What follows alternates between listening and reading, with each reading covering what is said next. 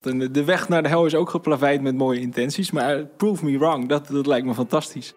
Hallo en leuk dat je luistert. Ik zal mezelf even voorstellen. Mijn naam is Marjan Verloon en ik ben 55 lenses jong, nog steeds getrouwd en moeder van twee kinderen. Ik ben een echte Brabantse. Ik heb over de hele wereld gewoond en gewerkt, maar ben nu neergestreken in Den Haag. En ik ben president-directeur van Shell Nederland. Ja, en als vrouw aan het roer van één van de grootste energiebedrijven van Nederland weet Marjan ook heus wel dat er nog een hoop moet gebeuren om de wereld groener te maken. En daarom gaat ze in gesprek met voor haar nog onbekende klimaatbewuste jongeren die allemaal gek zijn op één ding: duurzame energie. Haar gasten hebben een duidelijke visie op wat er moet gebeuren, staan met twee benen in de energietransitie en deinzen er niet voor terug om Shell's leading lady ook kritische vragen te stellen. En dat zorgt voor pittige gesprekken en meningsverschillen. Maar je hoeft het ook niet altijd met elkaar eens te zijn, toch? Dit is Marjan krijgt nieuwe energie, de podcast. Hallo Werner, kom binnen, kom binnen. Ga lekker zitten. Goedemiddag. Goedemiddag. In deze aflevering wordt Marjan aan de tand gevoeld door de 22-jarige Werner Schouten.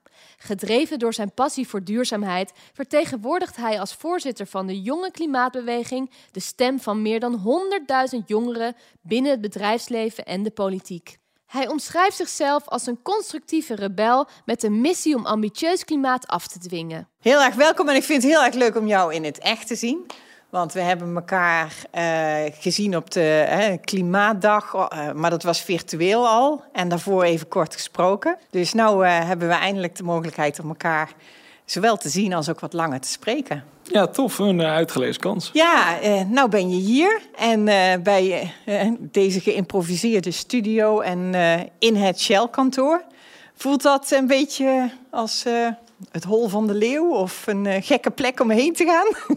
Ja, ik kom er niet dagdagelijks. En uh, ik heb wel, ik heb wel natuurlijk wel ook wel twijfels gehad over of je hier moet aansluiten. Ik ben vaak als voorzitter van de Jong Klimaatbeweging uh, krijg je vaak uitnodigingen en dan weet je nooit of zoiets ook dingen legitimeert. Hè? Als, als groene jongeren gebeurt dat nog wel eens dat je ook wordt uitgenodigd om dingen te legitimeren. Dus daar ben ik altijd op mijn hoede voor. Um, maar toch ben ik ingegaan op deze uitnodiging omdat ik juist er wel van overtuigd ben dat we juist um, ja, de verbinding moeten zoeken, ook voor de energietransitie.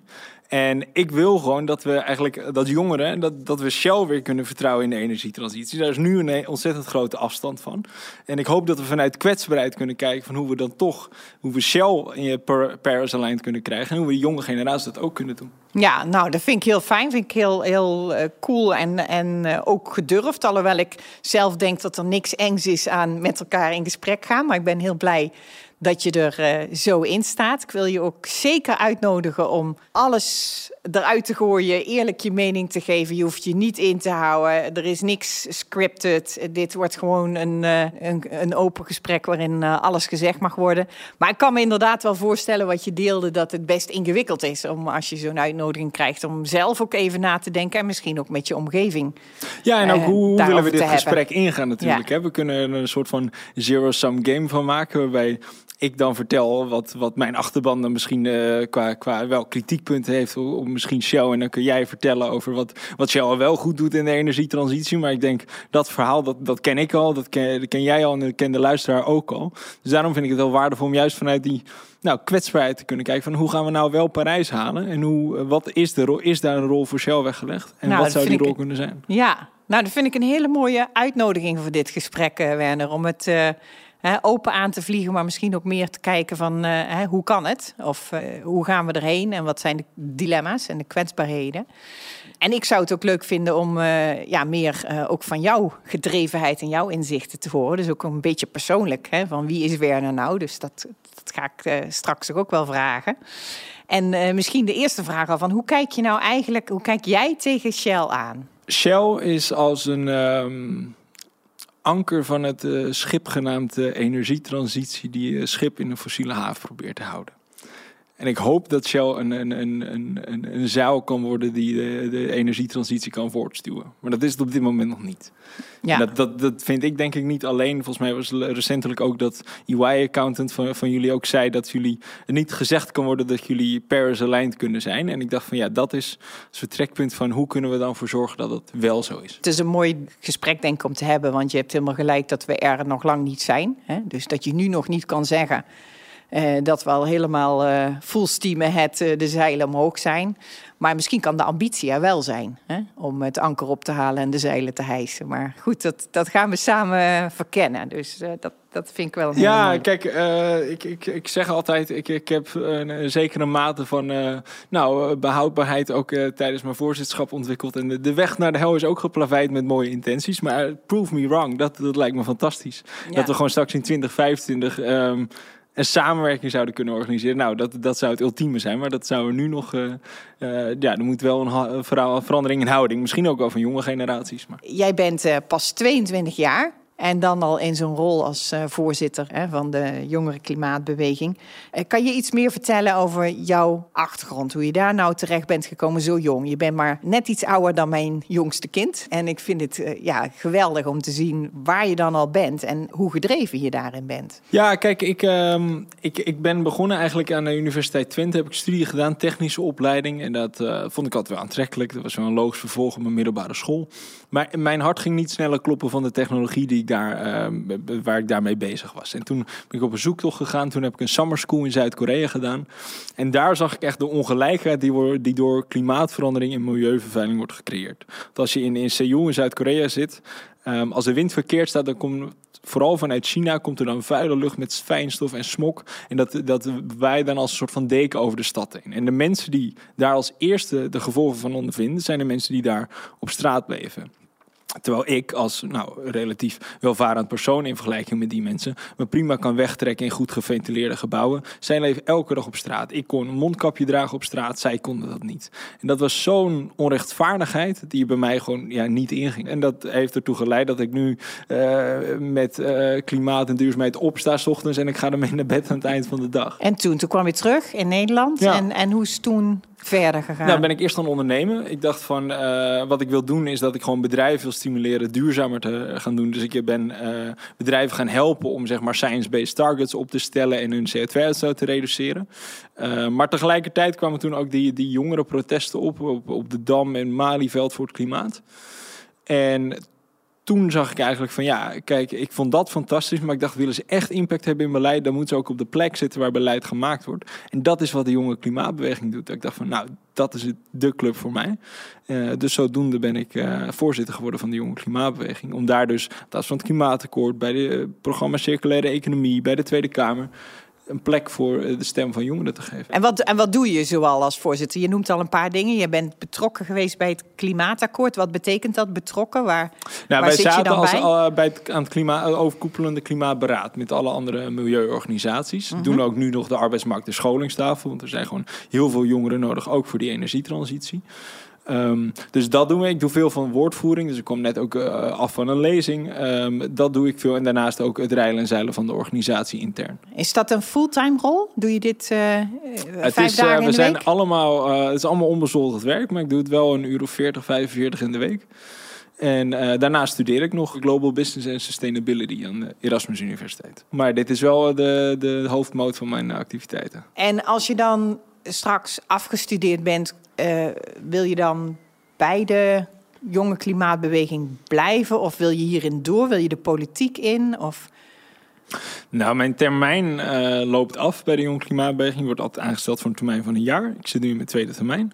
Um, en dan is het ook goed dat er iemand anders komt. En, en dan ga ik, ja, ik blijf mezelf gewoon, um, nou, handelen als, als een luis in de pels van het bedrijfsleven en de, en de politiek op het gebied van de energietransitie. Om ervoor te zorgen dat er gewoon um, ja, een stuk ambitieuzer worden. En, en ook dat Nederland eigenlijk in lijn met Europa gaat lopen. Ik ben, uh, toen ik zo oud was als jij, ben ik uh, bij Shell gaan werken. En toen uh, werd mij ook wel eens gevraagd, toen speelden er andere issues, hè, zoals Zuid-Afrika, van goh, wat, wat vind je ervan? En toen heb ik altijd gezegd, ik wil impact maken door van binnenuit er te zitten.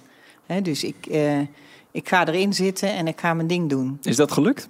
Um, ik denk dat ik nu op een positie zit waar ik uh, voor mijn persoonlijke rol heel veel impact kan hebben. Dus dat ben ik. Ja, ik ben wel tevreden mee dat ik zelf verandering kan brengen. Of ik misschien met een andere rol meer had kunnen doen, was, is natuurlijk ook een goede vraag. Hè? Van je had misschien ook iets anders kunnen doen en was er dan nog meer gebeurd.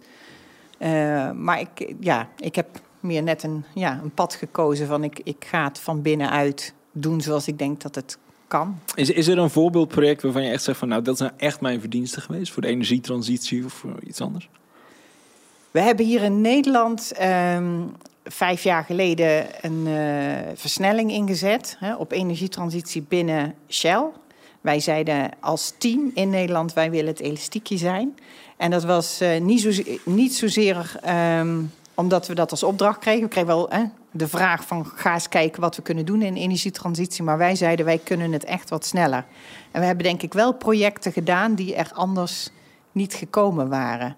Uh, een zonnepark op Moerdijk bijvoorbeeld, uh, gebruik ik regelmatig als voorbeeld. Was uh, jaren geleden totaal niet interessant voor Shell Solar. Want in Nederland schijnt de zon niet vaak genoeg. Ja. En goh, waarom zouden we het geld hier investeren? En toen zijn we toch gaan kijken van kan het?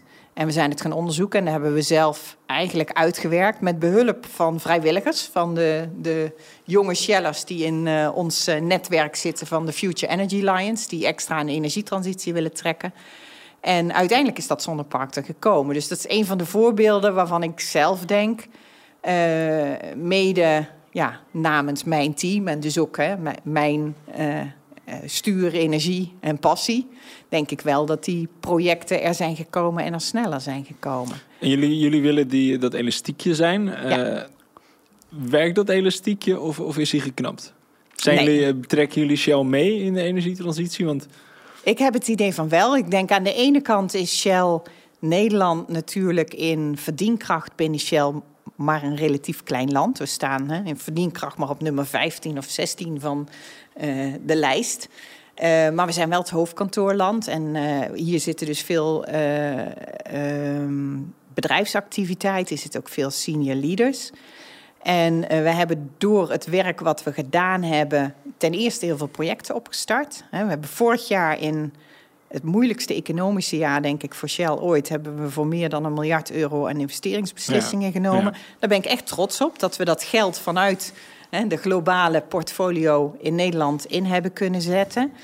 Uh, maar wat misschien nog belangrijker is, we hebben heel veel lessen geleerd. Doordat we gewoon dingen zijn gaan doen, zijn we dingen tegengekomen die we van tevoren niet hadden kunnen bedenken. En ik denk voor een bedrijf als Shell, wat bestaat uit heel veel ingenieurs, die denken dat je alles uit kan rekenen en dat je in scenario's de wereld kan voorspellen eigenlijk, is de les dat je gewoon soms maar moet beginnen en heel snel moet leren en dat je zo gaat versnellen, hè, risico's nemen, eigenlijk een beetje dat ondernemerschap er terug inbrengen.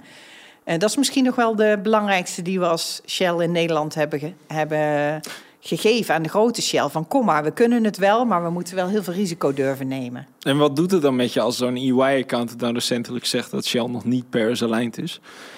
Ja, daar uh, heb ik eigenlijk niet zo moeite mee. Want als ik er echt naar kijk wat hij schrijft, dan schrijft hij dat hij dat uit de jaarrekening nog niet kan concluderen. En dat klopt. Hè? Want als je kijkt naar Shell nu, dan zijn wij nog niet zover dat we aan onze doelen kunnen voldoen.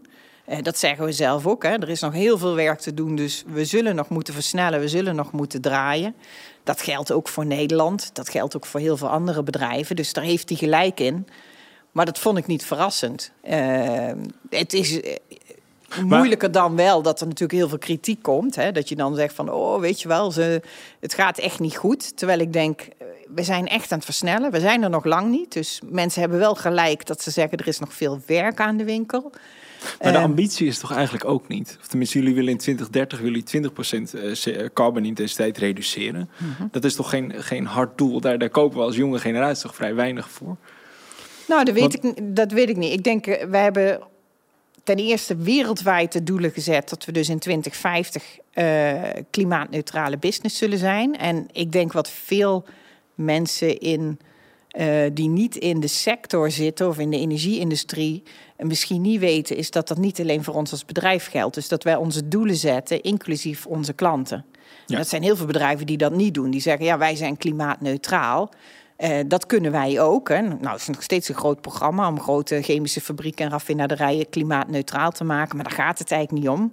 Uh, want het klimaat schiet er pas echt iets mee op als wij andere producten gaan verkopen. Dus wij zullen uh, in plaats van benzine uit fossiele grondstoffen, zullen wij op een gegeven moment het uit synthetisch moeten doen of uit uh, bioafval. En dat is de transitie die we moeten gaan maken. En daarin gaan wij, uh, dat is onze ambitie tenminste, Parijs halen. Daarin gaan wij in lijn met Parijs dit opleveren betekent een groot veranderingsprogramma. Vooral aan die productenkant. Mm -hmm. hè, vele groenere producten maken. Maar ik zie in, in Nederland dat we daar echt de versnelling aan het inzetten zijn. Ja. Dus uh, ik denk dat de ambities goed zijn en kloppen. Ik denk dat we soms onderschatten hoeveel we kunnen doen. Dus ik hoop dat we nog meer kunnen versnellen. Dus ja, ik, ik denk dat er heel veel werk te doen is. Ik denk dat wij het heel goed beseffen hoeveel werk te doen is ja, dat mensen hopen dat we nog sneller kunnen gaan. Daar ben ik rijk ook één van. Ja. Maar, maar oké, ik snap dat. Maar ik, ik, snap, ik snap dan toch, toch niet helemaal inderdaad. Buitenstaanders weten inderdaad niet dat jullie ook scope 3 emissies meenemen.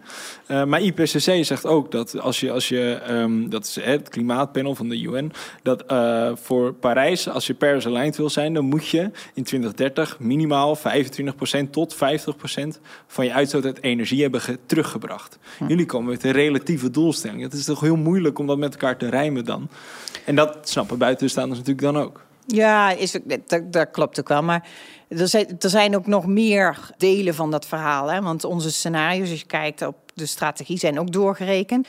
Ze zijn ook door MIT doorgerekend uh, op het effect op uh, klimaatverandering. Daarnaast zijn wij natuurlijk ook echt een energiebedrijf. Dus wij voldoen niet aan het gemiddelde in de maatschappij. Wij, wij moeten van verder komen, zeg maar. Hè? Dus wij zijn fossieler en we moeten nog meer draai maken om naar die duurzame producten te gaan dan een bedrijf in de niet-energiesector.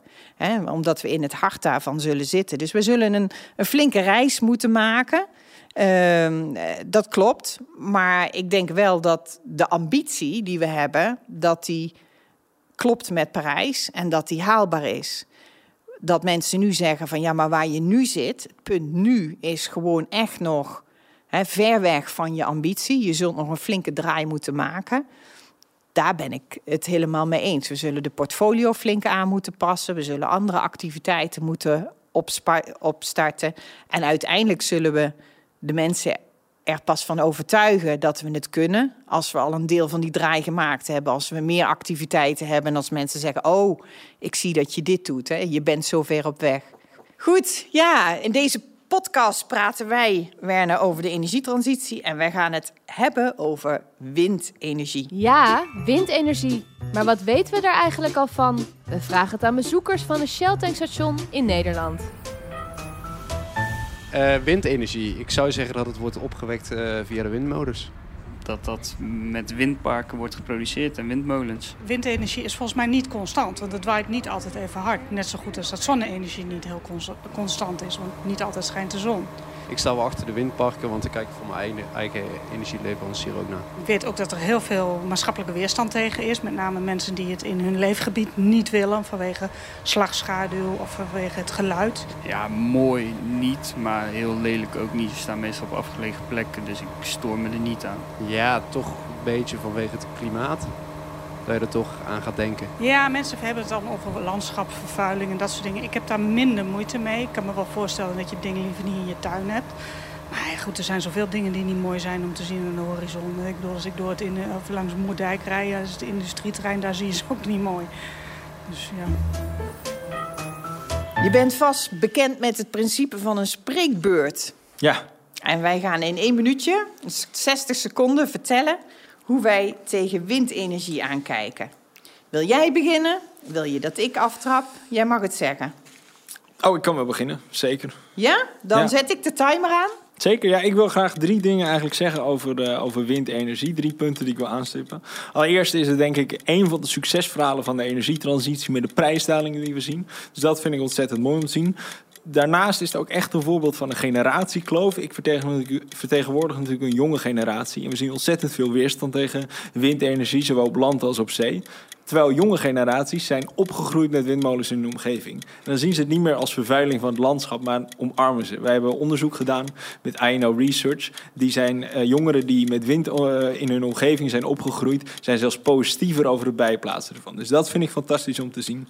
En het derde is dat windenergie laat zien dat energie geen free lunch is. Met, met fossiel hebben we nog wel eens de opwek, maar ook de gevolgen ervan onder het tapijt kunnen schuiven of uit het oog van de samenleving. En nu zien we het gewoon aan de lijve.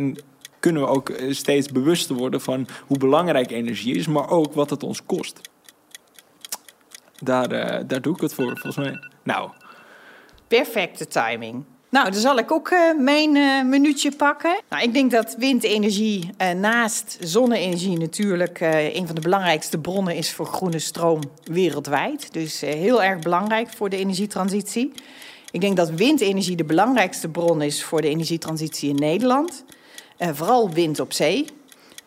nou, gelukkig waait het veel en vaak in Nederland, dus het komt goed uit. De Noordzee is ondiep, dus je kunt die windparken ook nog redelijk kostenbewust er neerzetten. En de gebruikers van de groene stroom, denk Noordwest-Europa met alle burgers en industrie, zit vrij dichtbij. Dus het is een hele goede match. Behalve groene stroom hebben we ook heel veel groene moleculen nodig. Heel veel mensen vergeten dat meer dan de helft van het energiesysteem bestaat uit groene moleculen, maar die maken we ook uit groene stroom. Dus we hebben veel meer windenergie nodig. Vooral veel meer wind op zee. En ik denk dat het kabinet daar de komende jaren op in moet zetten. Nou, volgens mij is er niet zoveel controverse rondom windenergie tussen ons. Volgens mij willen we het allebei. Ja, precies. Ja. Ik vond het wel mooi wat jij zei, dat de jonge generatie is er eigenlijk al aan gewend. Ja. Uh, ik hoor wel ooit inderdaad statements dat uh, een eeuw geleden de mensen protesteerden tegen de komst van de trein. Heb jij het idee dat de oude generatie te veel bezwaren heeft tegen uh, de windmolens?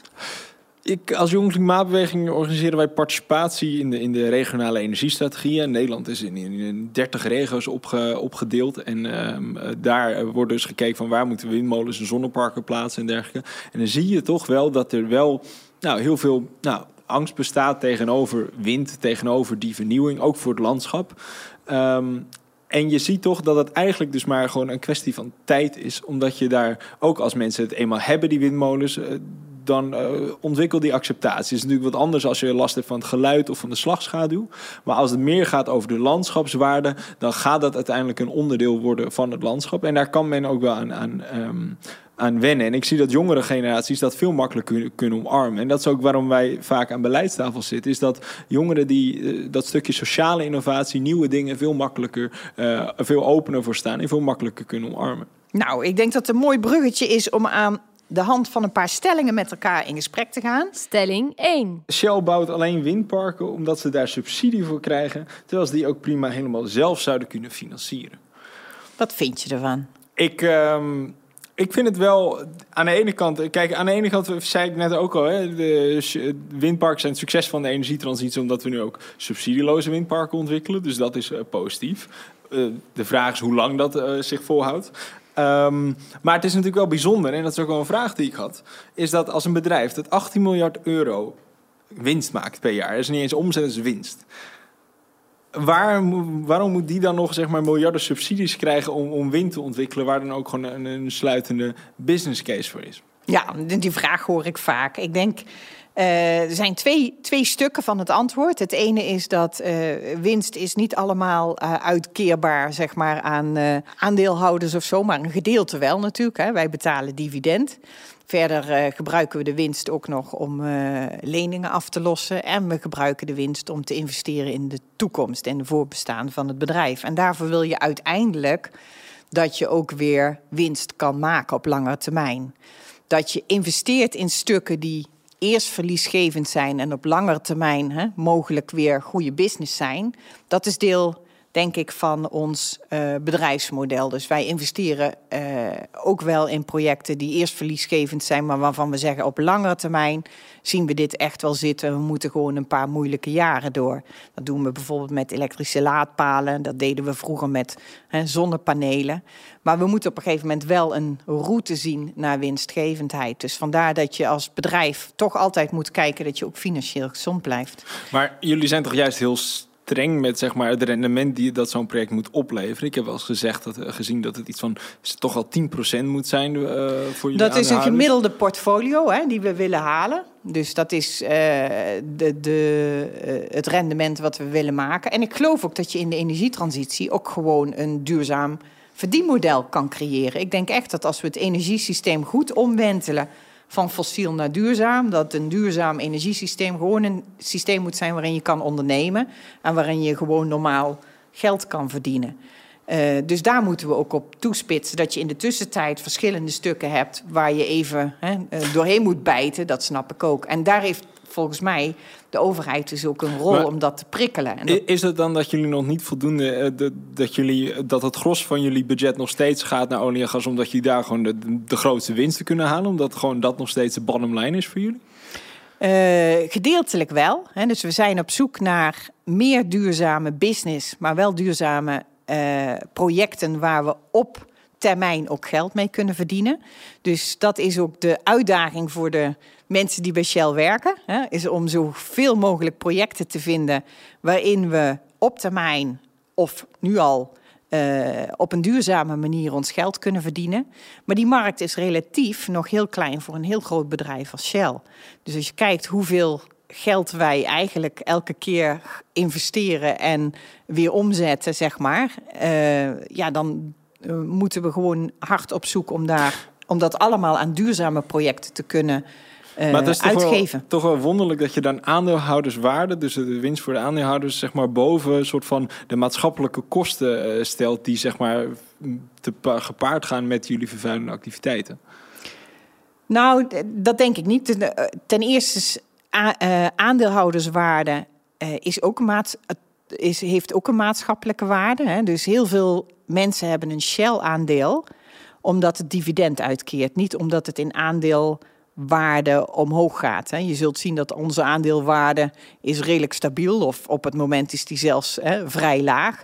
En mensen kopen een Shell-aandeel omdat er dividend uitgekeerd wordt. En dat geldt dus voor veel uh, verzekeringsbedrijven, voor pensioenbedrijven.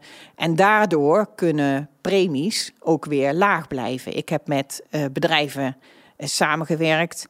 Uh, verzekeringsbedrijven aan uh, projecten. En die zeggen echt dat hun premies laag kunnen blijven, omdat zij beleggen in bedrijven die veel dividend uitkeren. Dus dat heeft ook een maatschappelijke rol.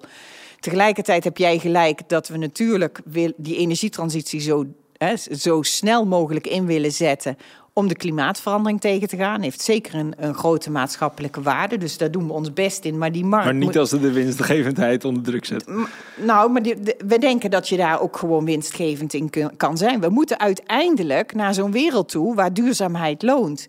Dat als iets maatschappelijke waarde heeft, dat dat ook een waarde heeft waar je dus als bedrijf in kan investeren. En ik denk dat dat de rol is van het samenspel tussen bedrijven, overheid, klanten en wetenschappelijke instituten, is dat we echt naar een nieuw systeem gaan, waarbij je uiteindelijk een duurzaam verdienmodel hebt. En maar... ik denk dat we die soms hè, kunnen we die al vinden. Ik denk op, op wind, hè, waar wij het nu over hebben, dat begon met subsidies. De kostprijs is naar beneden gegaan en nu kunnen we de windparken subsidieloos bouwen. En begint dat echt op, op storm te komen. Maar er zijn nog heel veel stukken van het energiesysteem waar we die kanteling nog moeten maken. Maar het is wel een beetje scheef, toch? Dat zeg maar de kosten van klimaatverandering en daaraan aanpassen, die komen op de samenleving af. Hè? Ik sprak over die mensen, die, de, de armste mensen, bottom of the pyramid, die als eerste de gevolgen ervan ondervinden. En jullie zeggen van ja, weet je, we kunnen niet sneller in de energietransitie, want we kunnen die winst niet maken. Dus dan staat die winst van die aandeelhouderswaarde toch, uh, die winsten voor die aandelen, uh, aandeelhouders toch hoog boven de kosten voor de maatschappij. Dat is toch een beetje moreel verwerpelijk. Ja, ik snap dat je er zo tegen kijkt. Maar ik denk dus dat het allebei maatschappelijke waarde heeft. Hè? Dus dividend uitkeren heeft ook maatschappelijke waarde. En uh, duurzame projecten doen heeft ook maatschappelijke waarde. Maar vergeet niet dat fossiele energie op dit moment ook nog maatschappelijke waarde heeft. Er is nog steeds heel veel energie nodig. En als wij morgen zouden stoppen met fossiele energie, dan zouden heel veel mensen uh, in grote problemen komen, inclusief de rijke mensen in, in Nederland. Hè. Dus het grootste gedeelte van ons energiesysteem is gewoon nog fossiel. Dus daarmee stoppen is ook niet zomaar een optie. Het is zelfs zo dat de energievraag nog heel erg groeit. En dat we moeite hebben om die groei af te dekken met duurzame groei. Hè? Dus om de fossiel niet te laten groeien. Uh, dat zal een hele uitdaging zijn. Wij krijgen als, als bedrijf ook vaak de vraag: maar hè, heb je nu niet gepiekt in je CO2-uitstoot? We hebben uh, nu een energietransitiestrategie uitgebracht waar we gezegd hebben: wij hebben onze piek bereikt. Hè, wij gaan naar, naar nul in 2050. Wij gaan onze CO2-uitstoot afbouwen. Maar eigenlijk, als je kijkt mondiaal, er is een grotere energievraag. De duurzaamheidsmarkt groeit nog niet hard genoeg. We hebben echt zorgen dat die fossiele markt hè, niet eerst gaat groeien voordat die krimpt. Maar dat heeft die energie heeft nog steeds een grote maatschappelijke waarde. Zeker. Daar kunnen we niet zonder. Klopt, nee, en dat is ook het is dilemma, denk belangrijk. ik. Maar, Ja. maar jullie houden, dragen toch zelf ook bij aan het instand houden van die fossiele energie. Dat wat ik zei, jullie zijn nog steeds dat anker van die boot van de energietransitie. Want jullie hebben bijvoorbeeld heel erg hard gelobbyd tegen bijvoorbeeld doelstellingen voor hernieuwbare energie voor Europese landen, bindende doelstellingen. Dus dan, dan, dan hou je toch eigenlijk ook dat fossiele in stand.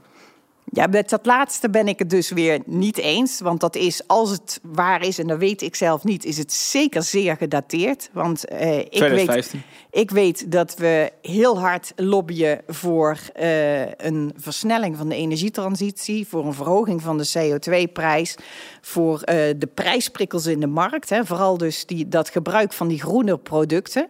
Dat we heel graag willen dat daar de overheid helpt om daar een markt te creëren waarbij eh, duurzame producten gewoon meer waard worden en, en CO2-uitstotende producten minder waard worden. Eh, en, en, en dat daar ook de kostprijs op, op gezet wordt.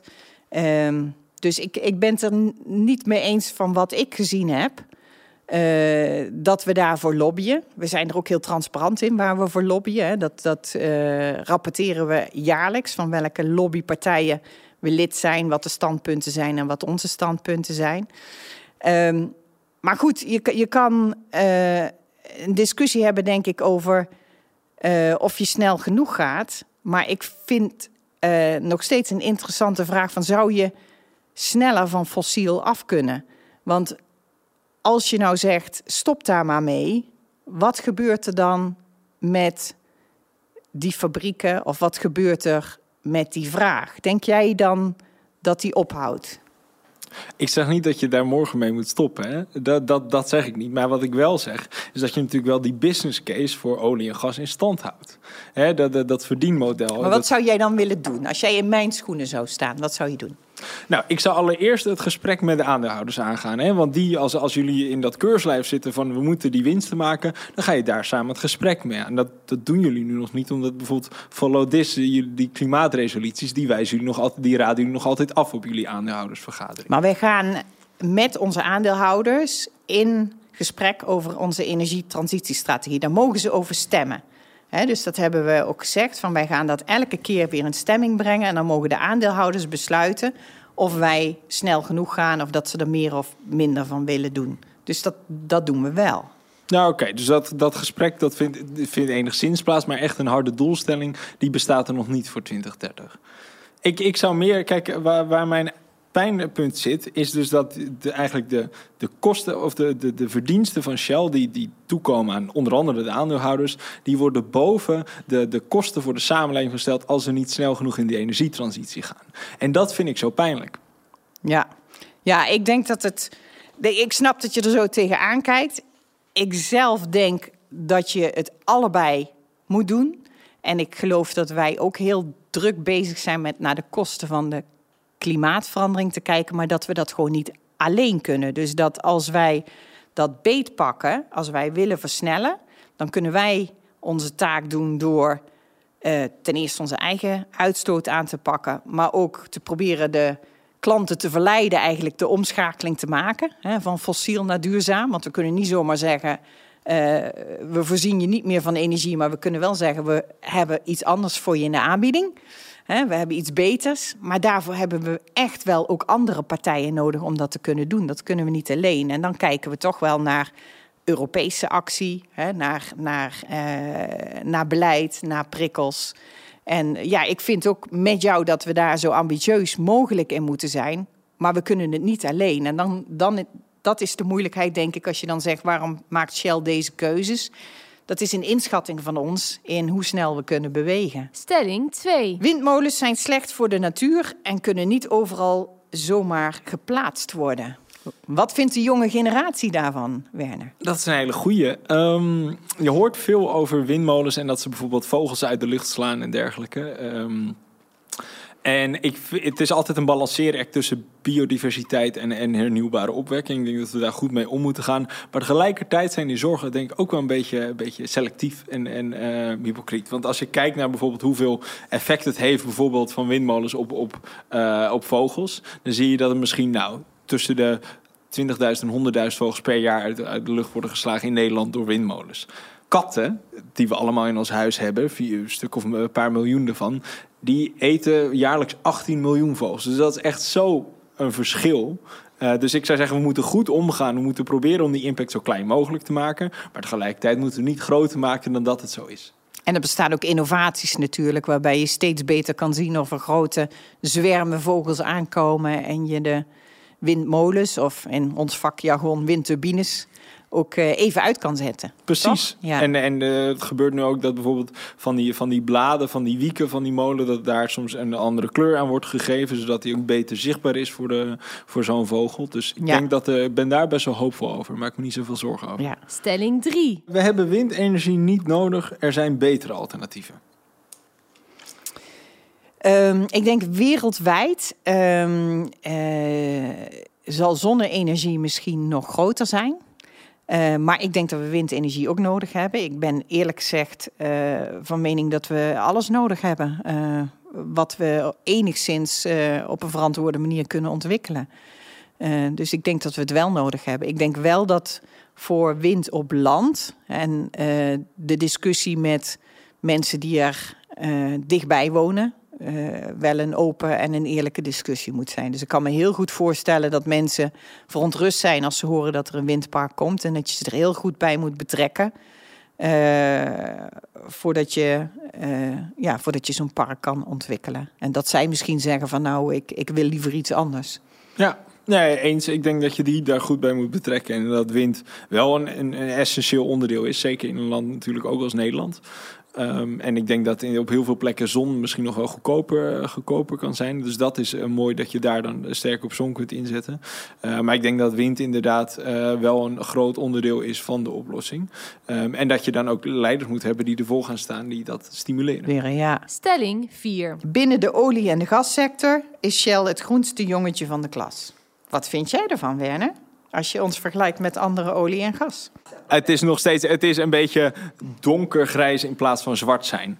Uh, en ik vind het allemaal nog niet echt overtuigend. Want wat, tenminste, wat ik, als ik kijk naar de rol van Shell in de energietransitie.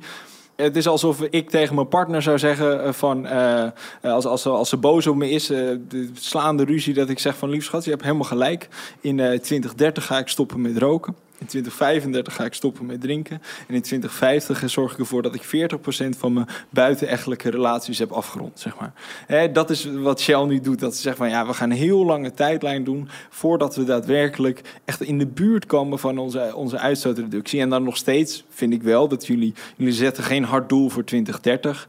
En daarnaast ook in 2050 willen jullie netto nul hebben jullie wel eigenlijk, hè, ook in het scenario dat jullie hebben laten doorrekenen, hebben jullie wel het bosareaal van Brazilië nodig om, uh, om jullie CO2-uitstoot te compenseren. Ja, ik vind me dat heel moeilijk voor te stellen dat jullie dan CO2-neutraal zijn. Ja, om terugkomend op de, hè, de metafoor met de partner. Uh, je zult moeten overtuigen door meteen laten zien dat je actie neemt. Put your money where your mouth ja, en misschien kun je nog niet helemaal zonder de sigaretten, maar uh, snel laten zien dat je het heel hard probeert. Is ook ja, wel heel, kijk, heel dat vind ik misschien wel interessant. Daar wil ik Ja. nog een vraag over stellen. Over jullie doen zeker alsof jullie de groenste van de klas zijn in jullie eh, campagnes, in jullie eh, de Great Travel Hack, al die campagnes. Maar bottom line staat nog steeds gewoon, daar hadden we het net al over, zeg maar de winst voorop. En dan staat even in het midden gelaten of dat dan door de energietransitie komt of gewoon conventioneel uit fossiel. Nou, ik denk dat een table stake, noemen ze dat dan in onze sector, of een voorwaarde voor een bedrijf is dat je financieel gezond blijft. Dus dat zul je bij ons altijd aantreffen. Ik denk niet dat we er ooit van kunnen zeggen dat is bij ons niet belangrijk. Want als je dat niet belangrijk vindt om financieel gezond te zijn, dan besta je over een paar jaar ook niet meer. Dan kan dat niet meer. Maar waar je financieel gezond mee blijft, is natuurlijk wel een keuze. Dus welke portfolio je daarvoor gebruikt, daar heb je helemaal gelijk in. Nou, die is nu nog steeds inderdaad voornamelijk fossiel. En daar zullen wij eh, heel snel moeten overtuigen dat we de, de draai naar, uh, naar duurzaam kunnen gaan maken. We hebben trouwens wel 2030 targets, hè, 20 procent. Dat is natuurlijk in, het, uh, in, de, in de verwachtingen nog steeds voor veel mensen te laag. Maar voor ons nog steeds een flinke opgave om 20 procent te verminderen. Maar in Nederland proberen we dus sneller te lopen. Dus globaal is het 20 procent. En in Nederland gaan, we wat, gaan we wat harder. Stelling 5. Uh, Shell claimt een leidende rol te willen spelen in de energietransitie, maar investeert nog veel te weinig in nieuwe energie. Ja, ik denk uh, dat het uh, waar is dat we nog te weinig investeren. Maar ik denk wel dat we druk aan het zoeken zijn. En ik hoop dat we daar vrij snel versnelling in kunnen vinden. He, dus dat uh, in, die, in die rol als, als leider in een energiesysteem, waarbij je dus ook die kanteling van fossiel naar, naar duurzaam wil maken. Uh, dat je actief op zoek gaat en dat we daar snelheid in kunnen maken. Ja, dat hoop ik ook. Maar weer, ik, dit wil ik ook erkennen, we, onze portfolio is grotendeels nog fossiel, dus dat, dat klopt ook. Maar de ambitie is anders. De ambitie is de andere kant op. En we zullen moeten overtuigen door daden in de komende jaren. Stelling 6. Shell wil alleen zijn steentje bijdragen aan de energietransitie als hen dat niet te veel raakt in de portemonnee. Ja, ik denk dat we wel ondernemerschap tonen, moeten tonen, kunnen tonen. En dat betekent dat je zo nu dan risico's moet nemen. Ook op winstgevendheid. Dus dat je moet investeren. Ook als het in je portemonnee raakt, maar omdat je erin gelooft dat het uiteindelijk het juiste is om te doen en dat het ook de juiste nieuwe bedrijfsmodellen uh, geeft. Dus ik geloof wel dat je dat moet doen. Maar uiteindelijk moeten we natuurlijk als bedrijf wel financieel gezond blijven. En dat is, uh, ja, het afgelopen jaar is dat best wel een hele heisa geweest natuurlijk. En hebben we heel hard moeten werken om uh, de cijfers in het zwart te krijgen. Dus dat blijft voor een bedrijf wel belangrijk. Ja. Maar dat is toch inderdaad wat we net eigenlijk ook al zeiden. De, de, bottom line is toch gewoon zeg maar de winstgevendheid. En dan hoe snel de energietransitie gaat, is eigenlijk secundair. Nee, we hebben, we hebben in onze strategie hebben wij vier pilaren en die zijn alle vier belangrijk. Eén daarvan is hè, de financieel gezond blijven. En de tweede is uh, klimaatneutraal in 2050. En uh, dan heb je respect voor de natuur. Uh, dan hebben we het over biodiversiteit, over afval, et cetera. En het vijfde is, dat heet in het Engels Powering Lives. Maar dat is eigenlijk je maatschappelijke rol in brede zin. Hè? Dus je impact op, op de maatschappij. Dus ze zijn alle vier belangrijk. En dat is denk ik het, ja, het, het, het continue afwegen, ook wat je in een bedrijf doet, of het zoeken. Is hoe kun je je strategie uitvoeren en ze eigenlijk alle vier omhoog houden. Dus financieel gezond blijven terwijl we door de energietransitie gaan.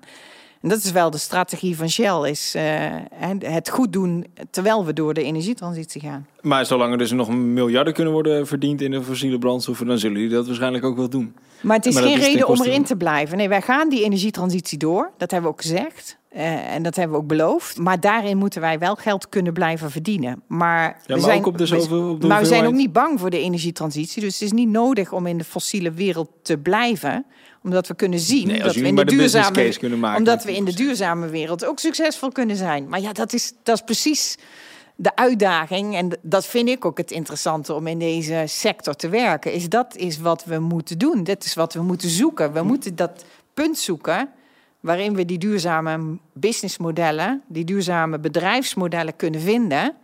Eh, terwijl we ook als bedrijf overeind kunnen blijven staan. Ja, oké, met die 10% dus. Uh, aan rendement, zeg maar. Ja, maar dat, ik denk dat het, eh, er geen reden is waarom je niet uh, geld kan verdienen aan duurzame modellen. Ik bedoel, denk aan jou. Ik weet niet wie je hebt als voorbeelden in de duurzame wereld, maar de mensen die ik normaal gesproken hoor noemen, de, de Elon Musks enzovoort, zijn niet heel arm van geworden. Dus je kan er prima geld mee verdienen volgens mij als je het goed doet.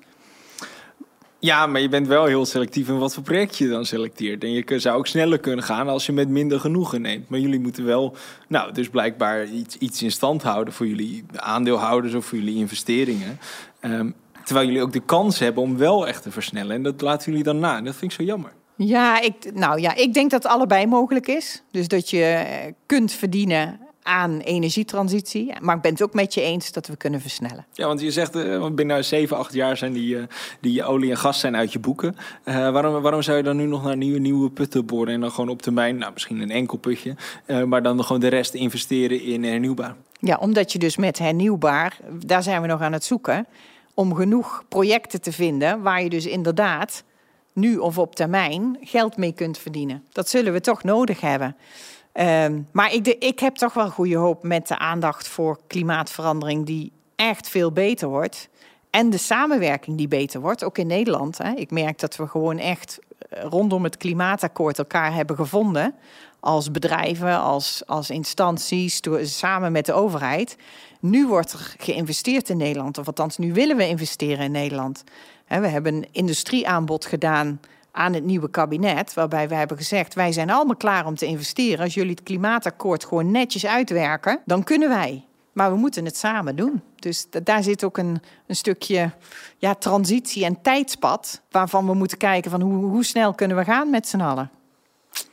En eh, je hebt al wat gedeeld over jouw passie voor de energietransitie en eh, hoe je erin gerold bent. Ehm, eh, maar wat betekent het voor jou persoonlijk naast je rol? Hoe, hoe klimaatbewust eh, leef je zelf? Waar let je op?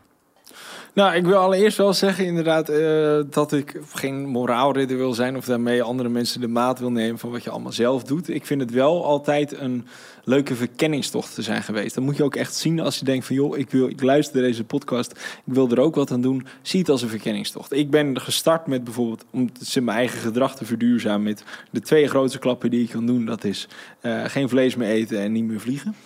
Ehm, en- Helemaal niet meer vliegen. Nee. Nee, Nee. dus dat, eh, dat doen we nu. Mijn vriendin gaat een wereldreis maken. En zei ik van ja, daar kan ik niet aan meegaan. Nee, dus, Dus jij dat- blijft de rest van je leven in Europa, denk je? We zullen zien hoe ver het eh, treinnetwerk reikt. Ja. Maar eh, ik verwacht niet meer te vliegen in de korte termijn. En, En, en als ik nou over een jaar of 10, 15 synthetische kerosine in jouw vliegtuig kan gooien, ga je dan? Nou ja, kijk, weet je, ik vind sy- synthetische kerosine vind ik wel eh, spannend. Maar als je ziet dat daar echt ontzettend veel energie voor nodig is, weet ik niet, denk ik niet dat dat op de korte termijn echt haalbaar gaat zijn. De KLM vliegt nog niet eens op volgens mij 1% duurzame brandstof. Dus ehm, Het duurt nog even, oké. Maar goed, erg, jij ja. zat in je verhaal over ja, je... precies. eigen- Nee, en dan, dan is het gewoon een verkenningstocht. Dus ehm, ik ben, dan ga je bijvoorbeeld, ik heb nu bijvoorbeeld een mud jeans aan. Dat is een broek die is gemaakt uit gerecyclede spijkerbroeken weer. En zo probeer je de hele tijd, eh, elke dag een beetje duurzamer. En dat is een ontzettend leuk eh, iets om te doen. Je leert ook op nieuwe manieren koken door bijvoorbeeld vegetarisch te koken. En ja, ik vind, dat, eh, ik vind dat heel leuk om te doen. Hoe is dat Ja. voor jou? Half Nederland weet inmiddels dat je een waterstofauto hebt volgens mij. ja, nou ja, we hebben thuis ook de zonnepanelen op het dak al een jaar of tien. En wat ik zei, dat vind ik zelf toch heel leuk, omdat het niet zozeer alleen gaat over die zonnepanelen, maar je gaat kijken waar gaat die stroom naartoe. Dus we hebben heel veel uitgezet, hè, waarvan we denken, och, dat is eigenlijk ook allemaal niet nodig. Eh, ik heb eh, twee kinderen in jouw leeftijd en die zijn ook heel druk bezig met de toekomst. En dat betekent dat wij thuis ook veel minder vlees eten en eh, vaak vegan. Eh, ik heb van de week eh, weer eh, voor de kinderen hebben we vier vegan Ottolenghi recepten gekookt. En het is toch even leren, maar precies wat je zegt, het is leuk. Hè? Je gaat er toch, toch in mee. Ik denk dat ik zelf nog wel wat stappen kan zetten in meer de circulariteit of de duurzaamheid. Het doen natuurlijk wel aan, aan gescheiden afval en, en, en alles apart inleveren, maar ontspullen en minder nieuwe spullen kopen. Ik denk dat we daar nog best wel een stap in kunnen zetten. Eh, dus dat, dat zouden dingen zijn waar ik wel weer mee aan de slag zou kunnen gaan. Maar ik herken wel dat het, het lijkt alsof je iemand oproept om te versoberen. Maar als je eenmaal de stappen zet, dan krijg je toch meer inzicht. En dan denk je, hé, hey, dit is eigenlijk ook best heel leuk. Als jij nou dadelijk in het kabinet de nieuwe minister van Klimaat of Duurzaamheid bent, welke wetten of regels zou jij dan willen invoeren. Dat is een hele mooie. Ik zou ehm, beginnen met een eh, generatietoets voor klimaatbeleid. Uh, generatietoets is dat, dat je als je komt met nieuw beleid of nieuwe maatregelen, dat je dan gaat checken van hey, snijdt het eigenlijk hout niet alleen voor vandaag en morgen, maar ook voor volgende generaties. Want ik zie nu bijvoorbeeld dat uh, Lelystad Airport open gaat, dat uh, een, een, snelweg wordt verbreed bij Emmelisweert, een groot park die dan daar misschien uh, daar veel bomen voor worden gekapt. Dus als je denkt van nou, als je in acht houden dat steeds meer minder, dat we steeds minder moeten gaan vliegen en dat we ook steeds minder auto's moeten gaan hebben en eigenlijk veel meer met de openbaar vervoer moeten gaan, dan is dit toch eigenlijk alleen maar een investering voor de komende twee, drie jaar. Maar moeten we toch gewoon eerlijk zijn dat we uh, dat we op de lange termijn dat dit gewoon zonde is van ons geld. Dus ik vind dan een, een generatietoets heel erg belangrijk. meer overkoepelend. Vind ik een uh, leuk, verfrissend idee, ja. Een hoe, generatietoets. Hoe klinkt goed. Ik zit, ik zit te brainstormen. Zou je zover kunnen gaan als dat je eigenlijk het stemrecht... Uh, één keer voor oudere mensen, twee keer voor de middenmoot... en drie keer stemmen voor de jeugd? Want die moeten er nog laatst, langs mee doen. Ja, ja, of 18 jaar voordat je, voordat je doodgaat dat je ook niet meer mag stemmen, zodat het weer een beetje uitgebalanceerd is. Het, is wel, ja, het, is wel, het zou wel heel baanbrekend zijn. Hè? Ja. Hey, en als je niet op de stoel van de minister van Klimaat zit, maar op mijn stoel als directeur van Shell Nederland, wat ga je dan doen? Ik zou ervoor zorgen dat we wel Paris-aligned worden. Dus dat we echt een hard doel gaan stellen voor, voor 2030. Um, maar je bent Shell Nederland, hè? Dus ik, ik ja. doe mee aan het klimaatakkoord. Uh, nou, ik zou gaan... Ben opbellen, Ben van Beurden. Om ja, die spreek je dan regelmatig. Ja, hè? precies. Ja, ja. Nou, dat zou, dat zou de nummer één ding zijn wat ik hem dan zou vertellen. Um, dus ik, ik denk dat dat echt, echt nummer één is. En dat we echt ophouden met, met, met alle lobbyactiviteiten die dat, die, die de energietransitie mogelijk uh, tegenhouden. Vertragen. Ja, ja. en... Uh, dus, dus dat zou echt het nummer één ding zijn. Uh, die, de, de, nummer, ja, de, de belangrijkste punten die, die ik daarin zou kunnen doen. Want um, ook bijvoorbeeld ja, uh, ontwikkeling van, van plastics en dergelijke. Dat je denkt van ja, moet je ook misschien. je moet gewoon eigenlijk proberen zo snel mogelijk die fossiele brandstoffen proberen uit te faceren. Um, en ik vraag me dan ook wel af, hè, want Shell is natuurlijk wel bekend van een aantal soort van ja, schandalen. Als bijvoorbeeld dat ze geen winstbelasting betalen in Nederland, maar ook wat er in Nigeria gebeurt. Wanneer is er een moment geweest, ook in jouw carrière, dat je dacht van ja, maar dit, dit kan ik eigenlijk niet uitleggen wat we nu als Shell doen? Nou, er zijn dingen natuurlijk die iets verder van mij afstaan, waar ik ook meer in moet lezen om elke keer de context te begrijpen, omdat ik er niet zelf over ga. Maar ik ben nog niks tegengekomen waarvan ik denk, nee, hier sta ik niet achter, want ik zou ook nooit iets willen zeggen waar ik niet achter sta. En ik geloof ook dat ik zo in leven sta. Ze krijgen mij niet iets ik kan niks doen of zeggen waarvan ik denk, ja, maar dat klopt niet. Maar ik ben ook niet overal in control en voor verantwoordelijk. En we zijn natuurlijk ook een groot bedrijf hè, met meer dan 90.000 werknemers. Dus daar, zit, daar gebeuren ook wel eens dingen die niet kloppen. Dat weet ik ook. En ik denk wat ook mijn wel vormt is, ik heb natuurlijk ook veel in het buitenland gewoond, maar ook gewerkt. En dat ik wel denk dat sommige discussies echt wel wat complexer zijn dan dat ze in de media gevoerd worden of in het Nederlandse publiek. Dat veel Nederlands Zoals? publiek. Nou, dat Nederlands publiek uh, denkt uh, met Nederlandse normen en waarden. Hè, van goh, zoals wij vinden dat het moet, uh, mm-hmm. zo moet het overal. En dat in het buitenland er soms gewoon ook anders tegen dingen aangekeken worden. Plus het feit dat er heel veel meer informatie is over zaken die misschien ja, niet uh, bekend zijn uh, bij het grotere publiek. En, en daar krijg je niet altijd alles van voor de bühne. Dat, dat is dan moeilijker, vind ik. Maar het is toch ook logisch dat ze eigenlijk minder van jullie aannemen. Dat je misschien ook wel zelf een beetje een vertekend beeld van jezelf geeft over hoe groen Shell nou eigenlijk daadwerkelijk is. Nou, maar ik denk dat, dat, je het, bijvoorbeeld, dat is misschien, dat wou ik Ja. misschien nog toevoegen. Nummer één ding wat ik eigenlijk zou doen als ik in jouw schoenen zou staan, tenminste in Shell, in Shell Nederland sowieso, dat de bottom line, echt de, de nummer één ding waar we zo zijn, is een maatschappelijke uitdaging oplossen en niet aandeelhouderswaarde creëren. Ja, ze, ze moeten wat geld krijgen, maar niet ehm, eigenlijk op plek 1, 2, 3 staan en dan pas de energietransitie. Want dan, ja, ik vind het heel moeilijk te verkroppen dat ja, kosten voor de maatschappij, voor, voor, voor klimaatverandering, die echt neerdalen in, in bijvoorbeeld uh, ja, Afrikaanse landen als eerste, ont ontwikkelingslanden als eerste, dat we dat accepteren, zodat een groot deel van onze aandeelhouders, wat pensioenfonds zijn, wat ook maatschappelijk is, uh, evengoed nog hun, hun, hun verdiensten kunnen maken. Ja, Ik Daar komt, daar komt jouw eh, moment uit, eh, uit Seoul weer heel duidelijk naar voren, Werner. Ja, en dat begrijp ik ook wel. En zelf denk ik ehm, ja, nog steeds dat het, dat het allebei kan. En ik geloof dat de sleutel, zo sta ik erin, ligt in het zo snel mogelijk aanzetten van de projecten die ertoe doen. Dus ik probeer al mijn eh, energie en passie te steken in energietransitieprojecten in Nederland.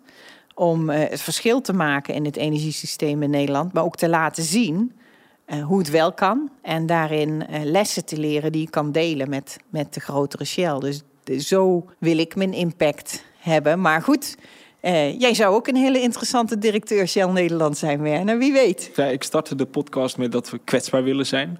Eh, en dat we van daaruit die verbinding willen zoeken. En dat je dan nou, misschien wel een deel van de afstand tussen Shell en de jonge klimaatbeweging zou kunnen reduceren. Is nou iets dat je zegt van nou, naar aanleiding van dit gesprek misschien wat anders doen? Of eh, toch ze meer inzetten op duurzaamheid? Toch vaker het gesprek aan met... Ja, wat ik, nou, wat ik mooi vind is, en da- dat is toch wel het stukje besef, ook voor mij. Ik ben 55, maar dat de wereld eh, maak je echt voor hè, de jongere generatie. En die hebben echt daar een belangrijke en, en beslissende stem in. Hè. Dus dat ga, ga je ook steeds meer horen en zien. Ik doe deze podcast ook echt met duurzame jongeren om meer te begrijpen en daar meer inzichten in te krijgen. Eh, dus dat heb ik van jou ook wel weer gehoord en weer geleerd. Wat ik graag samen zou willen doen, is doelen stellen eh, die we allebei denken die gehaald kunnen worden. Dus het gesprek aan te gaan om te zeggen, iets meer in nog concreter eigenlijk. Wat kunnen we doen? Want ik heb natuurlijk doelen, eh, ook met Shell Nederland en ook met eh, de, projectenfunnel die we doen, om te kijken waar kunnen we nog harder lopen? Wat is er volgens jullie, volgens jou, haalbaar in Nederland? En eh, waar kan ik achteraan gaan? Dus als ik, als ik het echt concreet kan gaan vertalen in actie, hè, jij zei al eerder, put your money where your mouth is, ja, dan, dan kan ik het ook zien en dan kan ik het ook nastreven. Ik vind dat zelf altijd inspirerender dan alleen maar na blijven denken over 2040 of 2050. Want daar, daar, bedoel, daar ben ik het wel over eens.